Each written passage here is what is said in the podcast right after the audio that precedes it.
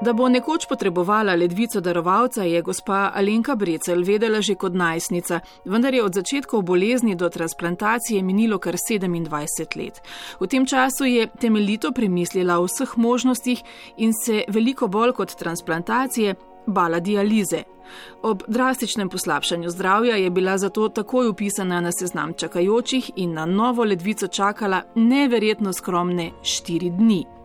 O morebitnih negativnih platih presaditve pa v vsem tem času nikoli ni razmišljala.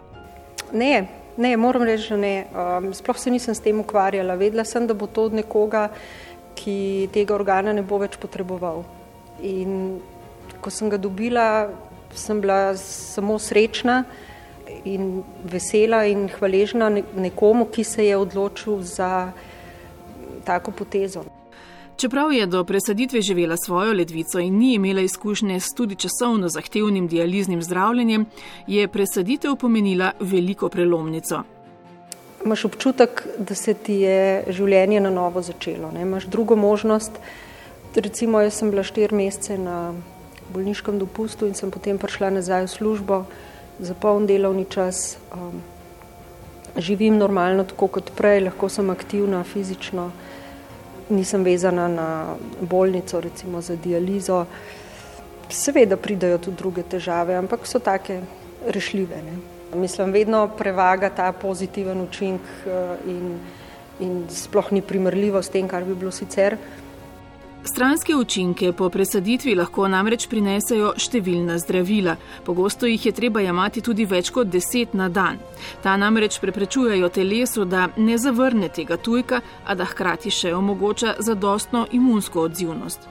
A čeprav življenje s presajenim organom prinaša tudi stranske učinke, gospa Alenka pravi. Že od takrat, ko sem zbolela, pa se je zaustavil to, recimo po neki sreči sem jaz eh, zelo intenzivno vsak dan hvaležna za to, da, da sem v redu, da sem objektivno v redu, da, da grem zvečer spat v svojo poslo, ne pa v bolnici. Ampak zelo intenzivno, res.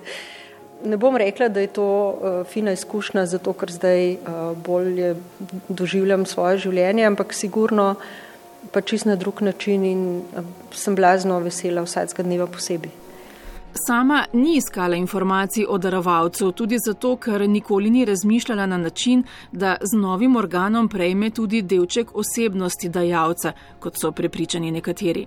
Um, tega predsotka, da bi postala nekdo drug zaradi tega, ker sem dobila njegov organ, sigurno ne. Uh, si pa rada predstavljam, da je mogo biti um, podobna oseba, da bi verjetno, če bi se poznala, bi se dobro razumela in da verjeten bi bil vesel, da en del njega živi naprej um, v nekomu, ki dobro skrbi zdaj za to njegovo ledvičko.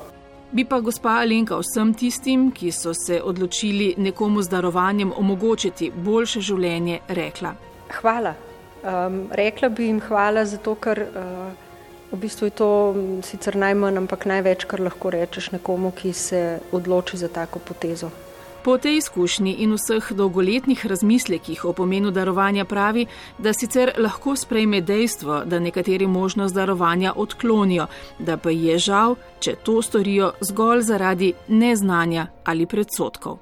Nič ne odneseš sabo in je mogoče bi komu pomagali tudi to, da pač ko se poslovi od svojca, ve, da en del njega živi naprej.